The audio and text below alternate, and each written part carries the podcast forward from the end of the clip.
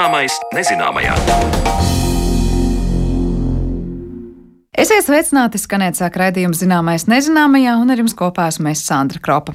Šodien mēs pievēršamies zinātnes ētikai. Iespējami falsificēti dati vienā no ietekmīgākajiem Alzheimer slimības pētījumiem mudina domāt, cik drošticami un pārbaudīti ir dati lielos pētījumos, kādiem filtriem tie iet cauri un cik viegliprātīgi tie atrod dzirdīgas ausis tālāk.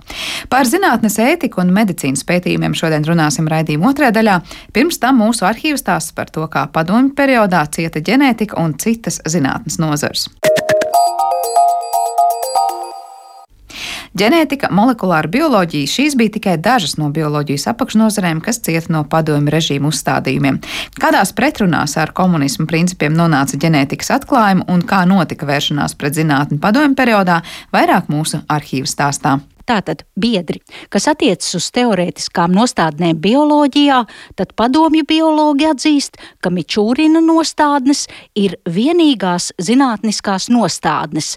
Veismanisti un viņu piekritēji, kas noraida iegūto īpašību iedzimtību, nepelna, lai ilgi pie viņiem kavētos. Nākotne pieder Mičūrinam. Tā 1948. gadā Vissavienības lauksaimniecības zinātņu akadēmijas sesijā paziņoja tolaiku biologs un agronoms Staļina ideoloģijai tūs cilvēks Trofims Lisenko. Persona, kurš uzskatīja, ka līdzšinējie pētījumi ģenētikā ir buržuāziski reakcionāri un pilnībā noraidīja ģenētikas teoriju, paziņojot, ka visu nosaka vide, ne iedzimtība.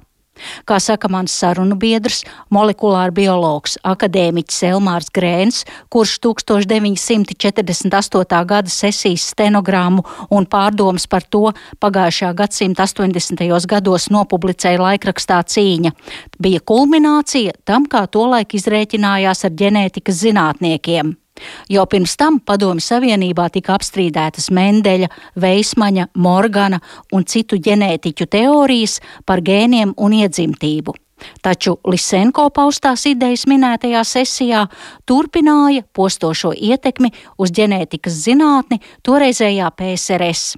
Par to stāsta Elmārs Grēns.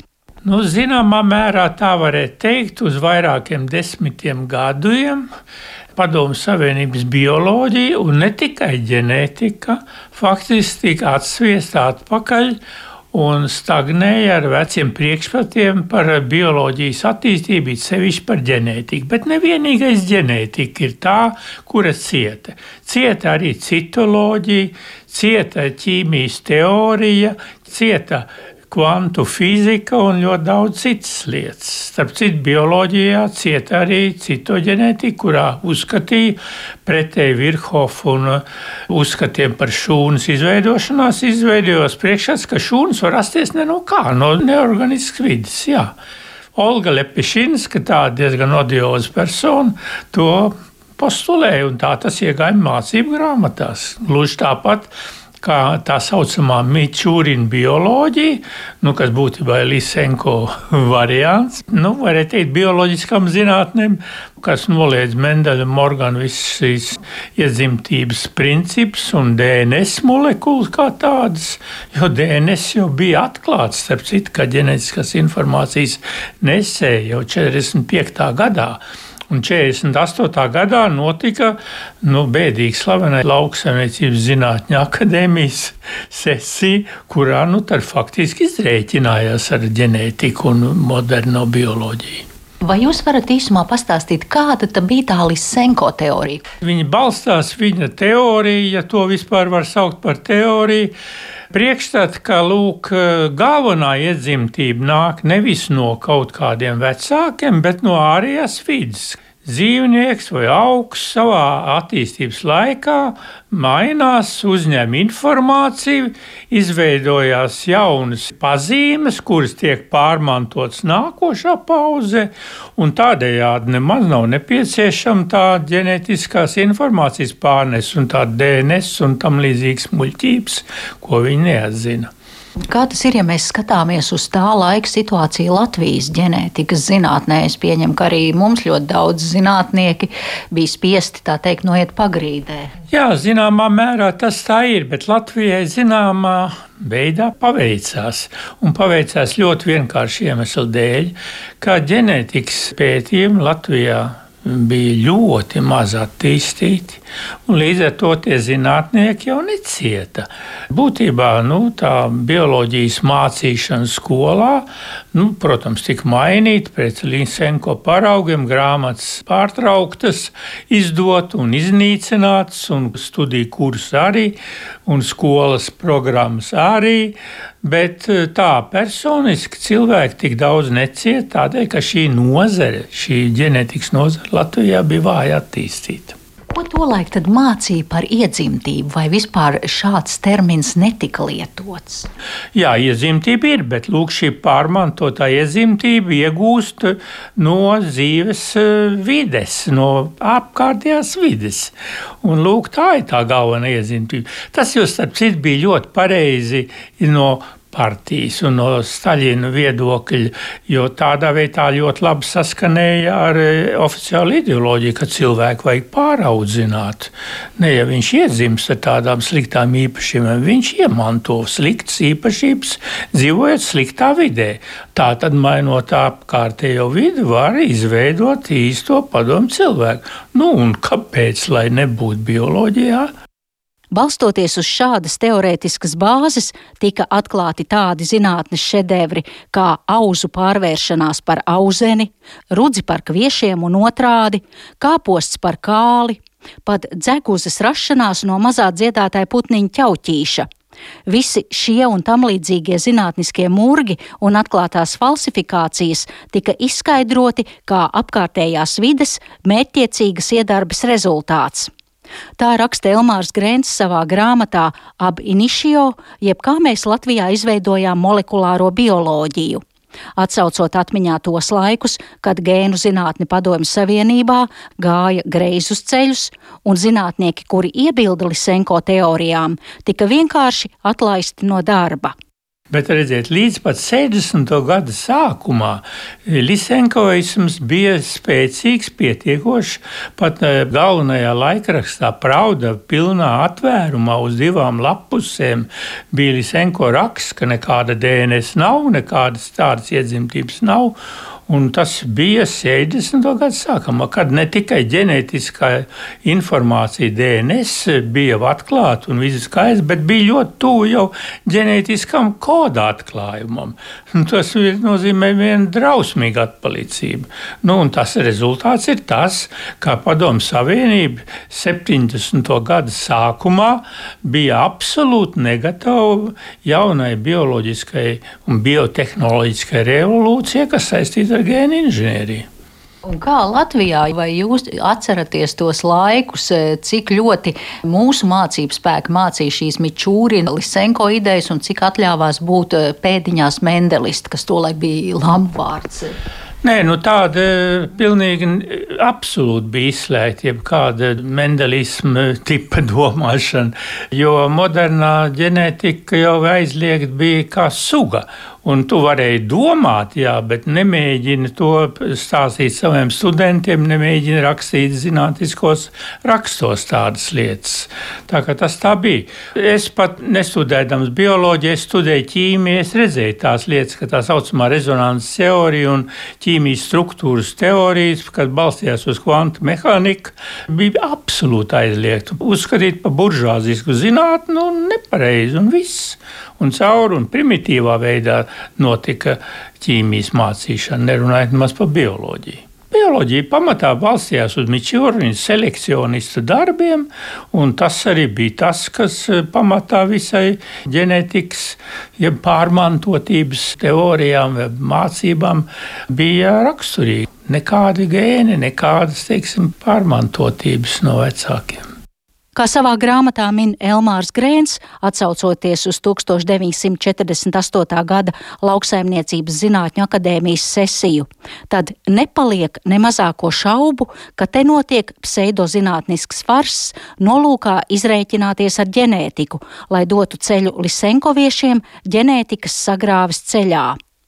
Diemžēl šajā sesijā paustās idejas ilga vairākus gadus, un tikai pagājušā gadsimta 80. gados ģenētikas zinātne sāka atkopties pēc minētās pseidozinātnes.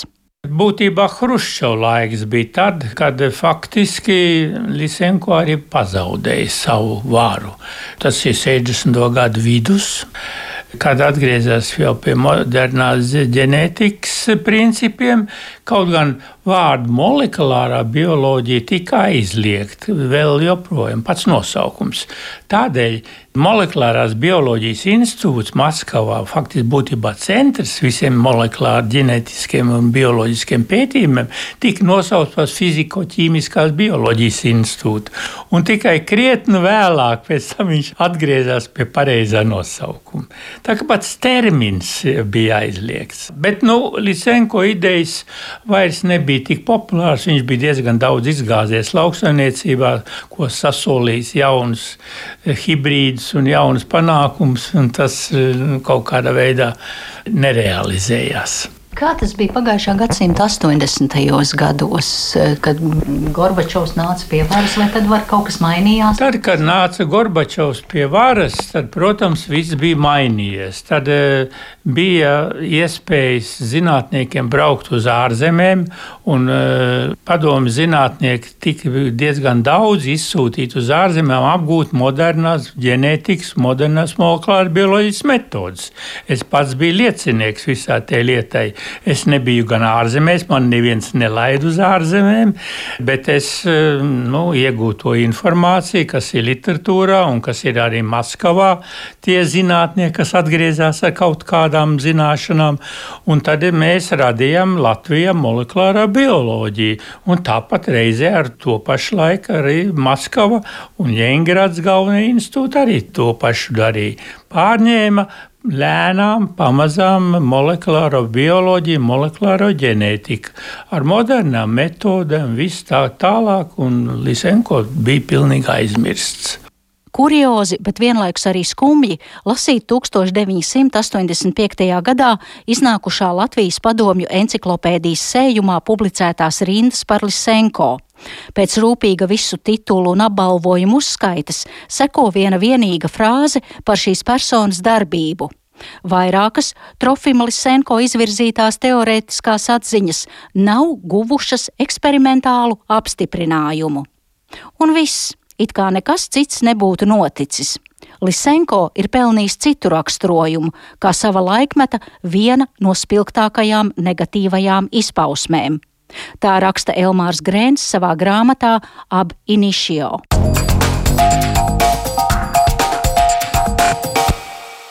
Dzirdējām arhīvu sarunu ar molekulāru biologu Elmāru Grēnu par politiskiem aizspriedumiem pret moderno bioloģiju padomju periodā, bet raidījuma turpinājumā mēs pievēršamies zinātnes ētikas jautājumiem mūsdienās.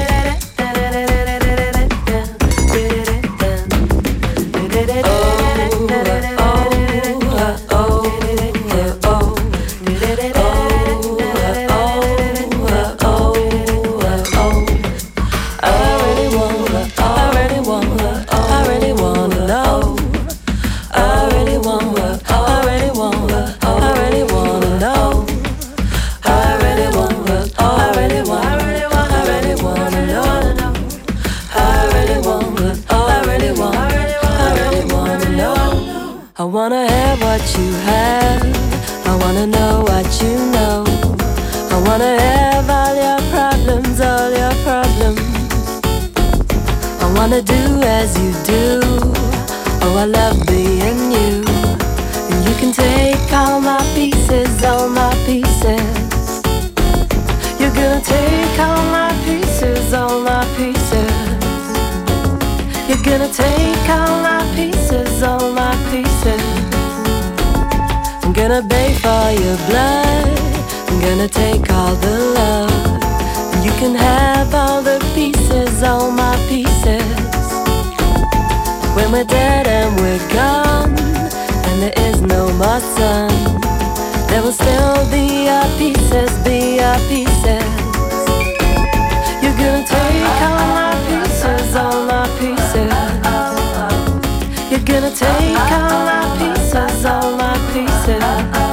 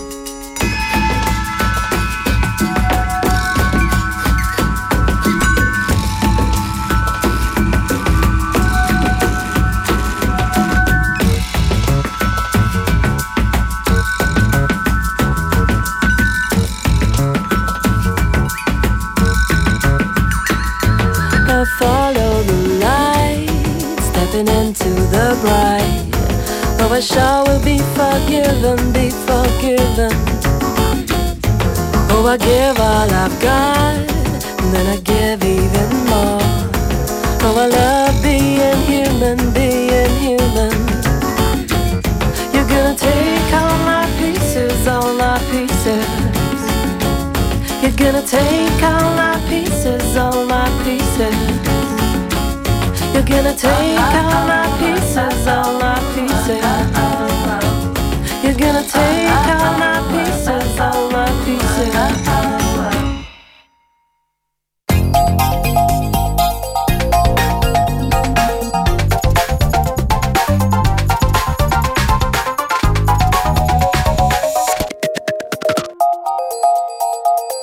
Zināmais nezināmajā. Apjomīgs Alzheimer slimībai veltīts pētījums iespējams ticis viltots. Tā pauž virsraksts žurnālā Science. Pētījums ticis publicēts, citēts un uzskatīts par vienu no ietekmīgākajiem nesenajiem pētījumiem nozarē. Cik bieži notiek šādi pārkāpumi zinātnē, kā tos kontrolē un pēc kādiem kritērijiem tad atlasa tālākai lietošanai? Par to šodien mēs runāsim ar mūsu attālinātās studijas viešņām Latvijas Universitātes asociēto profesoru un medicīnas ētikas ekspertu Signi Mežīnsku. Labdien! Labdien! Kā arī Rīgas Stradiņu Universitātes asociēto profesoru un ārstu neiroloģiju Zandu Priedu. Labdien, Zandu! Labdien!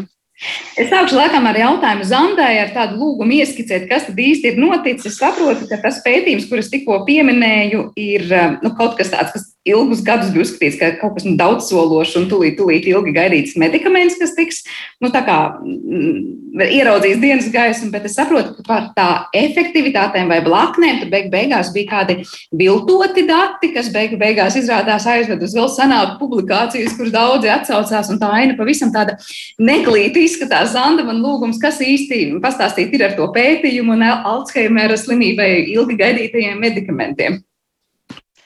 Um, Sandra, paldies par jautājumu, bet nu, teorētiski te jau jāsāk druskuļi pašos pamatos, runājot vispār par Alzheimer slimību, par uh, izaicinājumu pētniekiem kā tādu, jo teorētiski šeit notiek daudz, daudz dažādu ne tikai pētniecisko aktivitāšu, intrigu, spekulāciju saistībā ar šo saslimšanu, jo, kā mēs zinām, šis te, uh, demences, Alzheimer slimības, demences uh, sloks populācijā prognozējās, un šobrīd ir gana liels, un prognozes nav labas. Tādējādi visi veselības, ar veselību saistītie pētnieki, institūcijas un dažādas, dažādas nu, teiksim, nu, teiksim, iestādes un, un pētnieki vēlās būt pirmie, kas šai slimībā dod kaut kādu savu artavu un būt uh, tie, kas uh, ne tikai, kas saka, vinē šo spēli, šo slimību, ne tikai dēļ materiālās pasaules, bet arī, protams, palīdzēt cilvēkiem. Uh, konkrēti runājot par vispār par pētījumiem, līdz šim man tomēr jāatzīmē, ka pētīts ir daudz, un ir jau trešās fāzes pētījumi daudzi uh, notikuši un notiek joprojām pasaulē, bet īsti joprojām taustāms un teiksim, labums pacientam. Nekur šobrīd pasaulē nav joprojām atrasts specifisks patoģenētisks terapijas mehānisms, kas varētu Alzheimer demences pacientam palīdzēt tikt vaļā no šīs demences. Teiksim, ja. Un tādējādi es domāju, šis ir viens no stāstiem, kas ir noticis, viens no šīm te, teiksim, pētījums, kas ir ažiotāža konkurence un tā tālāk, ko mēs varētu minēt, kad uh, varbūt nav šī, šī, teiksim, šo pētījumu nav atbilstīgi, uh, nu, teiksim, uh, gan pacientu atlase, gan uh, pacientu iekļaušanas, izslēgšanas kritērija, gan rezultātu interpretācija. Šeit drusciņi ir, nu, teiksim, šo rezultātu interpretācija, viss ir ļoti, teiksim, apvīta ar daudz spekulācijām. Un šeit visā ir tas, ko es sākumā gribēju teikt, arī būt pirmiem, būt pirmiem tiem, kas atklāja tā kāre, būt pirmiem šo slimību pieveikt ir daudziem. Bet es pareizi saprotu, ka no vienas puses tev ir jautājums, vai tur nav konkurentu nomelnošanas kādas kampaņas, un patiesībā ar to pētījumu viss varētu būt kārtībā?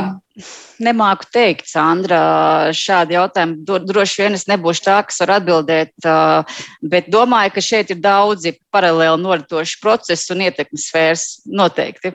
Bet Bet katrā ziņā jautājumi vēl ir atklāti, un process vēl ir atklāts, un mēs sakosim, kā tas notiek. Bet, Signe, es gribēju vaicāt, nu, kā no tādas pētnieciskās ētikas puses raudzīties uz šādiem notikumiem, kur no vienas puses, jā, varbūt tur ir spekulācijas, varbūt ir konkurentu nomelnošanas kampaņas, varbūt tā ir ļoti liela vēlme būt pirmajam un tos rezultātus, un kā teikt, piedzītai savai hipotēzei ātrāk nekā plānots.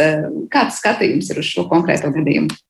Nu, man liekas, tur jāskatās ļoti uh, plaši. Pirmkārt, jās, jāsaprot, kas ir zinātnīs process kopumā. Un zinātnīs process um, varbūt uh, dažkārt no malas šķiet, ka tas ir kaut kas tāds, uh, kur, kur nu, mēs pētām, pētām un tad nonākam līdz patiesībai. Bet zinātne ir nemitīga iepriekšējo pētījumu apšaubīšana, jauna pētījuma radīšana, iepriekšējo hipotēžu apgāšana. Un visa zinātnes būtība ir tas, ka ir iespējams apšaubīt to, kas iepriekš ir teikts. Nu, par to ir daudz eh, zinātnes filozofijā un zinātnes teorijās. Un tas ir brīnišķīgi, ka zinātniekiem ir iespēja uzdot jautājumus par citu zinātnieku pētījumiem. Tā ir zinātnes būtība, un tas ļauj zinātnē attīstīties uz priekšu. Nu, ja mēs salīdzinām ar tādu, eh, es nezinu, maģisko domāšanu, kur eh, kāds vienkārši kādam tic un nav nekāda pamata, zinātnē ir pamats un ir iespēja apšaubīt. Un, nu, tādēļ no vienas puses es pat neuzskatu, ka ir, ir, problēma, ir problēma tajā, ka kāds apšauba kādus pētījumus. Protams, no otras puses skatoties, arī zinātnē ir negodīgas darbības piemēri. Un, un zinātnē ļoti daudz dara, lai novērstu šādu veidu pārkāpumus zinātnē. Un tur ir daudz mehānismu. Nu, piemēram, šobrīd laikam viens no, viens no tādiem uh, nu, tādiem jaunākajiem un populārākajiem ir tā saucamā atvērtā zinātne. Atvērtā zinātne nozīmē, ka, piemēram, zinātnieki publicē atvērtā pieejā savus datus, un ja kurš cits var pārbaudīt, nu, vai, vai tā hipotēze ir pārbaudīta pareizi vai nē. Un tas rada zinātnē vēl lielāku šo, šo caurskatāmību.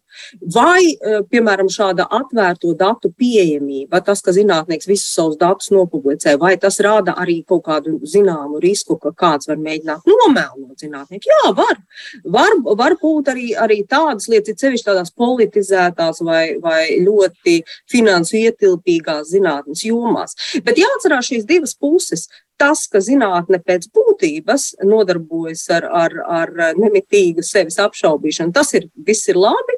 Tikai nedrīkst pieļaut, ka uh, kaut kas notiek negodprātīgi, un tāpēc mēs nemitīgi arī izglītojam zinātniekus par zinātnes ētiku. Mums šobrīd universitātē ir uh, viens projekts par, par, par tieši par šādiem jautājumiem, kā izglītot zinātniekus un novērst pārkāpumus, un janvārī mēs vēl vienu projektu sāksim. Bet kā arī tajā pašā trešajā pusē vēl ir tas klausītājs vai potenciālais pacients, nu, tādai publikai klausoties šos notikumus, var rasties sajūta, ka vispār nevar ticēt no vienas puses zinātnē, vai ar, arī nu, ka jā, varbūt ir kāds medikaments, bet ja tur ir kaut kādas atkal iekšējās kampaņas, kas par ko runā labu vai sliktu, proti, kā tam potenciālam patērētājam ticēt, ka ja tas medikaments ir izgājis un liekas kaut kāds konkrēts pētījums un rezultāti, ka pēc dažiem gadiem kāds neatcels tos un neteiks, tie bija viltoti, vai tie bija mazliet piedzīti tā, lai tās zāles būtu pirmās, vai gluži pretēji, proti, kāds nomelnos pavisam to, to, to ražotāju vai izstrādātāju un nepamatot nomelnos. Nezinu, sākšu varbūt ar Signu. Um, nu, Numur viens, es domāju, ka, ka ir jārunā ar sabiedrību par šo zinātnes procesu būtību daudz vairāk. Un droši vien skolā tas ir daudz vairāk jāmāca, kā, kā, notiek zinātne. No otras puses, nu, zinātniekiem pašiem ir jābūt ļoti godīgiem tajos gadījumos, ja tiešām šādi pārkāpumi, negodprātīgas lietas notiek, jo nav noslēpums, ka nu, zinātnieki mēdz arī mēģināt paslaucīt zem paklāja, lielās universitātes mēdz izvairīties no šādiem skandāliem. Ir daudz piemēru, kas apkārt ir bijuši. Tā kā es domāju, tur atkal ir tāds apusējs darbs, gan, gan tāda um, zinātnes pratība sabiedrībā, Uh, saprotot, ka jā, ka var būt dažādi rezultāti un dažādi attīstības virzieni zinātnē, gan zinātnieku kopienā ļoti nopietnas darbs pie tā, ka ja tiešām ir pārkāpumi, tad mēs viņus nevis paslaukām zem paklāja, mēs par viņiem atklāti runājam. Un, nu, diemžēl ir gadījumi, kad arī jāsoda zinātnieki par apzinātu datu viltošanu. Vai... Bet vislabākais, protams, ir preventīvais darbs, panākt, lai zinātnieki tā nedara. Zanda, būs tas piebilstams? Nu, teorētiski jau es domāju, ka mēs nedrīkstam mūsu teiksim, klausītājiem un iespējams daļai pacientu liekt šo iespēju sev palīdzēt. Jo teorētiski jau nu, jebkurš cilvēks, kuram ir aizdomas, ka tuvinieks vai ka pašam šāda saslimšana varētu būt, viņš mēģinās darīt visu, un uh, viņš tiešām viņš uzticēsies savam gan primārās aprūpas speciālistam, gan izvēlētam speciālistam, iespējams zinātniekam, kas viņam izvērtēs, vai vajag viņam šo medikamentu vai nevajag, un šo uzticību noteikti nevajadzētu graut starp pacientu un starp ārstu, starp speciālistu. Un ja viens ārsts netiek vai līdz galam nav skaidrībā, kā labāk. Nu, vienmēr ir kolēģi un ir speciālisti, kuri ir vairāk iedziļinājušies šajā jautājumā un lūgt to padomu un kā labāk palīdzēt pacientam. Jo man kā klinicistam tomēr pacients ir pašā centrā un mana vēlme palīdzēt pacientam. Un es vēlos, lai viņš jūtas droši, aprūpēts un viņam dot šo cerību, ka viņam tomēr nākotne nav tik tuvākos astoņus, desmit gadus ar sliktu prognozi. Bet cik liela ir varbūtība un iespēja zinātnē, zinot, kā notiek, piemēram, jaunu medikamentu meklēšanas ceļš un pētījumi, mm, viltot šos datus? Vai jūs teiksiet, tas ir kaut kas nu, reti iespējams un reti notiekošs, vai patiesībā, ja vien tur ir liela industrija, liela nauda, liels intereses būt pirmajam un nākt tālāk, nākt klajā ar kādu medikamentu, Nu, proti, tā, tā iespēja patiesībā kaut ko pielikt savai hipotēzē par labu ātrāk nekā varbūt kādi konkrēti dati to rāda, ir iespējams. Signi. Nu, ja mēs runājam par medikamentu reģistrāciju Eiropā, piemēram, nu, tad tā ir ļoti stingra sistēma, kā mēs zinām, Eiropas, med, Eiropas zāļu aģentūras izstrādāta, un tur ir uh, daudz pakāpes, un un tur ir ļoti daudz godprātīgi cilvēki, kuri pārauga šo procesu. Es, uh, nu, ja man jāsaka, liela vai maza, es teikšu, ir maza iespēja viltot datus. Bet uh, atkal, ja man godīgi jāsaka, vai ir noti, notikuši, tur jau nav runa tikai par datu viltošanu, tur ir runa par, par dažādu, nu, nezinu, sākot ar attēlu viltošanu, beidzot ar, ar, ar kaut kādām nelielām nobīdēm datu interpretācijā. Protams, ka tādas lietas ir notikušas, bet nu, drīzāk es teiktu, maza iespēja, bet, bet skaidrs, ka uh, ir jāsamazina arī tās mazās iespējas tā notikt. Un, un paši zinātnieki ļoti daudz ko dara. Tagad ir, uh, nu, mūsdienās ir tādas. Uh, uh iespējas, kā piemēram tāda atvērtā, uh, atvērtā recenzēšana, jeb tāda neoficiālā recenzēšana, ir pat speciāls interneta vietnes, kurā jebkurš zinātnieks var paust bažas par jebkuru konkrētu publikāciju. Eh, un, un eh, tur eh, notiek diskusijas par to, vai šajā publikācijā ir kāda trūkuma vai nav. Un šo diskusiju rezultātā raksti ir atsaukti arī. Tā kā, nu, es domāju, jā, ir maza iespēja, ka šādi pārkāpumi notiek. Viņi arī dažkārt notiek, bet ir ļoti daudz mehānismu, ar kuru palīdzību šos pārkāpumus atklāt. Un ja šāds pārkāpums tiek atklāts, nu, uh, Gala rezultātā jau zinātniekam, tam, kurš ir bijis vainīgs vai zinātniskajai grupai, viņiem ir ļoti, ļoti bēdīgas sekas un, un nav iespējas saņemt grantus tālāk un tā tālāk. Bet tā ir maza iespēja. Zanda Gara ar šo gadījumu, vai šobrīd, nezinu, neirozinātnes lauciņā, eh, var teikt, tā ir tāda liela vētra šodien, šobrīd, kas ir sacelta, vai tas ir tāds gadījums, ar kā tādu veselīgu skepsi skatās visi, nu redzēsim, kā tas attīstīsies un kurš beig beigās ir vai nav vainīgs. Kāda ir tā noskaņa šobrīd? Es domāju, ka šobrīd tiešām šī vētra, varbūt tāpat nav vētra, Sandra. Es domāju, tā ir tāda veselīga tiešām diskusija par uh, konkrēto notikumu, un šeit nav nekas tāds noticis, un, teiksim, nevar diskutēt par, par cietējiem un tā tālāk nemāku teikt, bet, ja mēs runājam vispār par Alzheimer slimības pētījumiem un medikamentiem, absolūti piekrītu Signai. Viņi tiek tiešām ļoti, ļoti stingri monitorēti. Kamdēļ arī šie pacientu skaits nav arī parasti tik liels šajās paci, nu, pētījumu grupās. Tas ir tie grūti, ļoti atlasi. Šie pacienti tiek ļoti, ļoti detalizēti, smalki, stingri kontrolēti, atlasīti, kuri pacienti ir derīgi pētījumam un kā šīs medikaments tiek administrēts, deva, laiks un monitorēts ar konkrētiem saka, izmeklējumiem.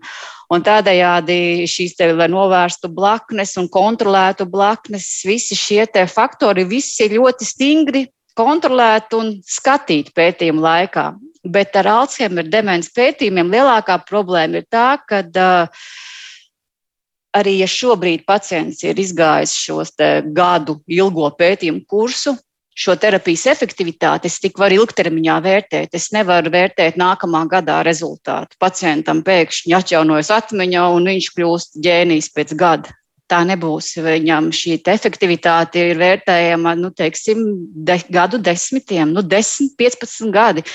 Un uh, mēs visi ar lielu teiksim, deksmi, protams, gaidām šos rezultātus, bet ir arī daudz pētījumu, kas jau trešā fāzē Alzheimer demences pētījumi tiek apturēti, un šis medikaments arī neaiziet tālāk uz apstiprināšanu. Tad, tad rezultātu izvērtēšana pacientiem ar demenci ir uh, diezgan liels izaicinājums pētniecībā. Bet kā notiek ar, piemēram, šobrīd tiem, kas eh, potenciālās zāles tur izstrādā vai, vai ir gatavi to darīt? No vienas puses, kamēr notiek šāda, kā jūs sakāt, arī veselīga skepse vienam par otru un tie rezultāti tiek apšaubīti, kaut kāds reputācijas risks, piemēram, konkrētajiem uzņēmumiem, vai tur kaut kādā mērā mēs varam teikt, kāds ir pasargāts no tā, vai tie, kas, kā saka, zāļu industrijā darbojas nemitīgi rēķinās ar, ar saviem, nezinu, melniem un labajiem, baltajiem PR, PR notikumiem un var teikt visās akciju cenās, kas kāpj un krīt līdz šiem uzņēmumiem, tas jau tiek ņemts vērā. Es domāju, nu, cik pasargāti ir tie uzņēmēji. Signa, vai par to kaut kā ētikas pusē tiek runāts un domāts? Nu, pirmkārt, jau es domāju, ka te nemaz nav runa tikai par, par industriju, ir, ir runa arī, piemēram, par, par publisko finansētāju prestižu, jo ļoti, nedrīkst aizmirst, ka ļoti daudz, sevišķi sākotnējo pētījumu ir publiski finansēti. Un, Jebkurš gadījums, kad, kad parādās šādi pētniecības ētikas, nu, šaubas par pētniecības ētiku, tas skaidrs, ka rada sekas arī publiskiem finansētājiem. Amerikāņu NIHA, Nacionālā, Nacionālais veselības institūts, viņi ļoti, ļoti rūpējas par šo reputāciju. Bet, bet ja mēs runājam par industriju, nu, tā droši vien ir gara un atsevišķa saruna. Uh, Un, uh, un uh, skaidrs, ka uh, tur ir uh, savi, uh, savi klupšanas akmeņi, un, un, un tā pašā laikā ir arī centieni ļoti uzlabot šo reputāciju. Uh, ir vēsturē dažādi melnie plankumi, dažādām, uh, dažādām firmām bijuši. Nu, uh, jautājums par farmācijas industrijas regulāciju, tas ir atsevišķas lielas sarunas vērts. Droši vien šodien mēs vairāk runājam par tādu zinātnieku kopienas pašregulāciju. Bet, bet pat ja mēs runājam nevis par industriju, bet par šiem publiski finansētiem pētījumiem, tur jau arī ir vesela virkni kritikas no zinātnieku puses. Tā ziņā, ka uh, lai dabūtu grantu, lai dabūtu šo finansējumu savam pētījumam, milzīga konkurence mūsdienās. Un tie granti ir uz ļoti īsu laiku, teiksim, divi, trīs gadi, pieci gadi jau ir ļoti garš grants.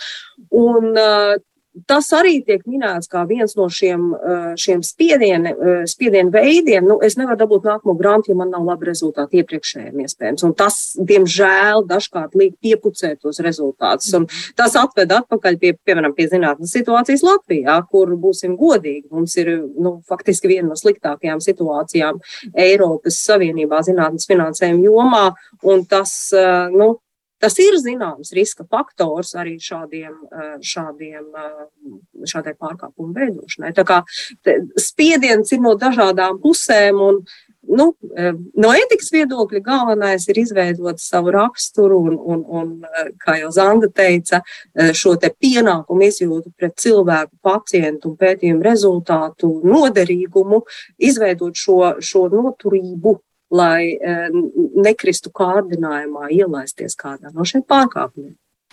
Jā, bet tas, ko tikko arī Signa minēja, tad, ja grants ir piecus gadus, bet kā Zanda pirms tam minēja, Alzheimer slimības gadījumā zāļu efektivitāti izvērtēs pēc 15. pa īstam, tad kā īstenībā šajā jomā tie pētījumi notiek? Es domāju, ar kādām krustugunīm iet gan tie pētnieki, gan finansētāji, gan tie, kas gaida jau to atdevi jau teju, teju, tūlīt, tūlīt. Kāds ir tas process tieši, ja mēs runājam par šīm slimībām, kur tie medikamenti tiek meklēti nu, tiešām ļoti ilgtermiņā, kā Zanda jau minēja?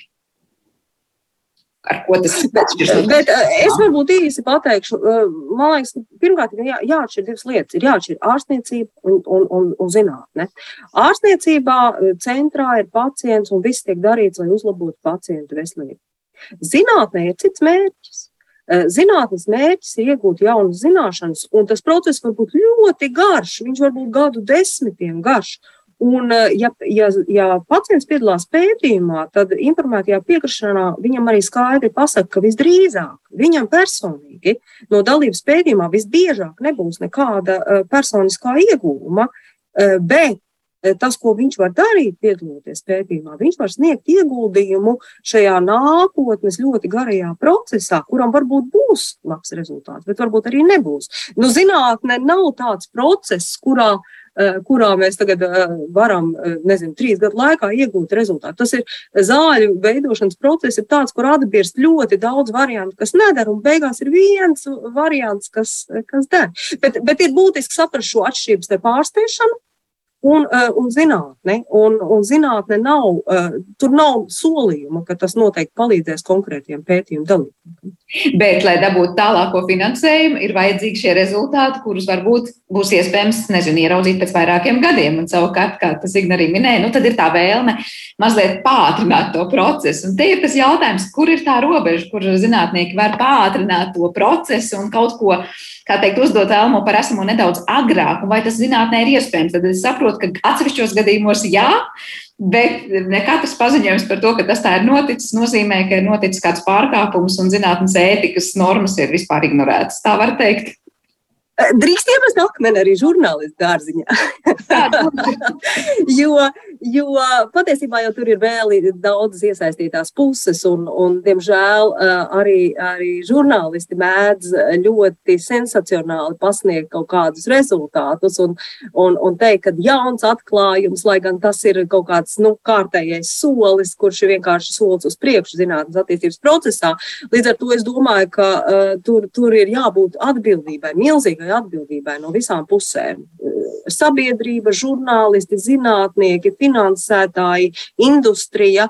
Un, un jābūt ļoti lielam godaprātam. Neviens, neviena no šīm iesaistītajām pusēm nedrīkst pārspīlēt, nedrīkst pārsteigties, nedrīkst uzdot vēlamo par esamo un tā tālāk. Tas nenoliedzami ir tā, kā Sigmund saka, un tiešām arī žurnālistu lausiņā tas ir jāliek aiz auss, bet tas, ko es gribēju mēģināt teikt arī ar šo gadījumu, ka lūk, te notiek atkal pretējais.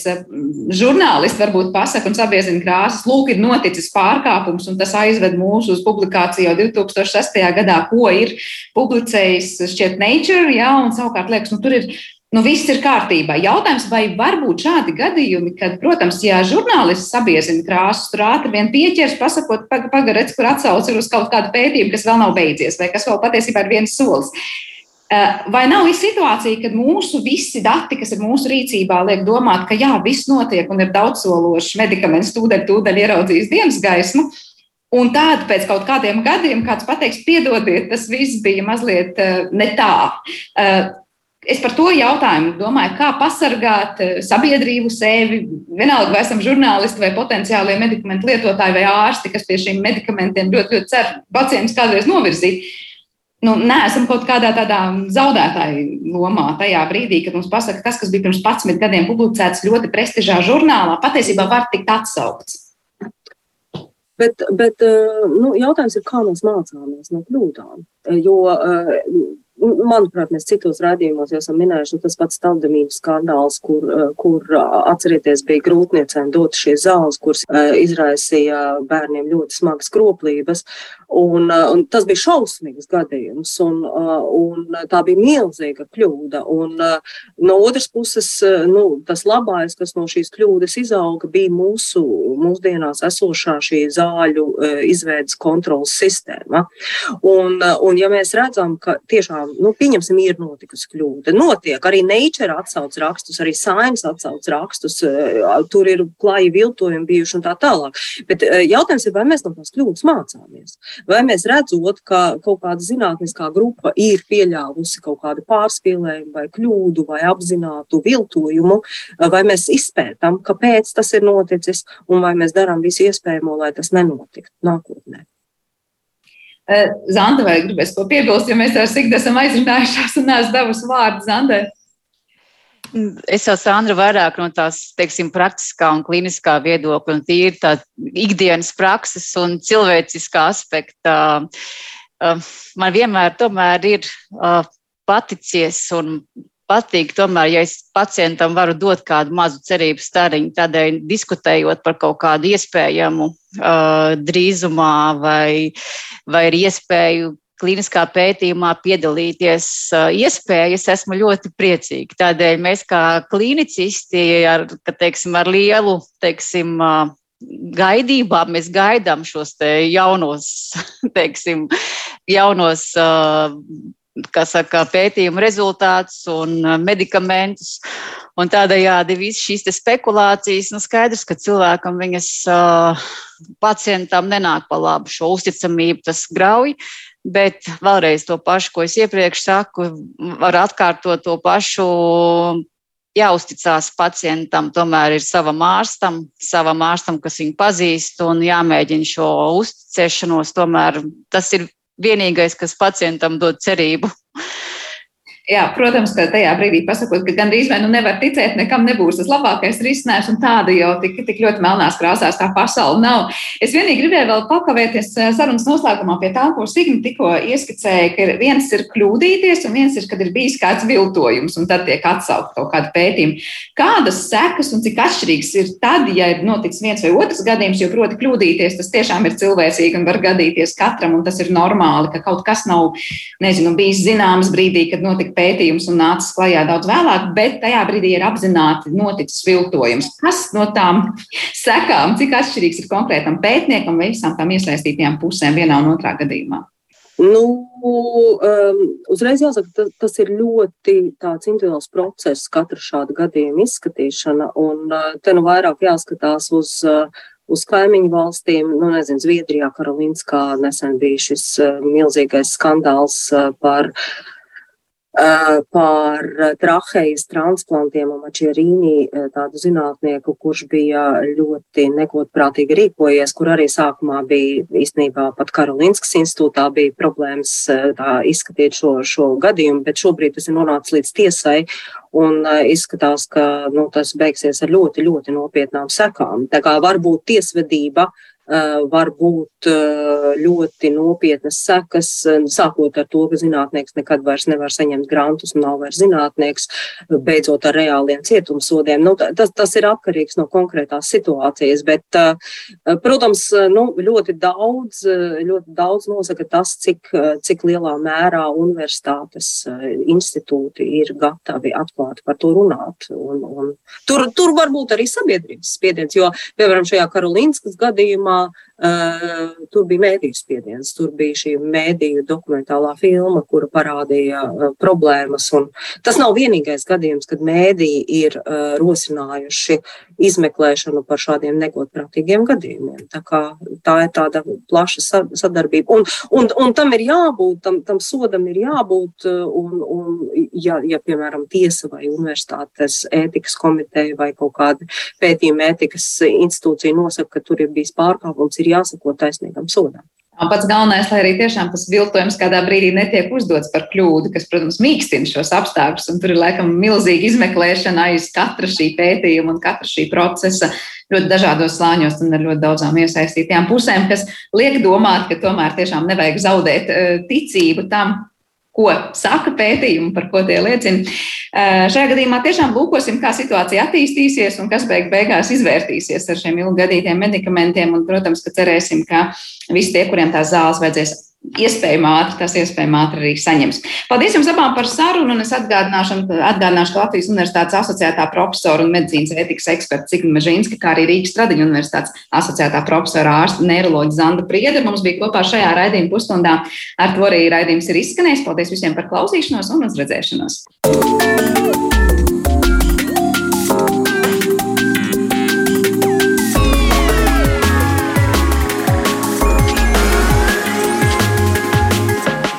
Zināmais nezināmajā.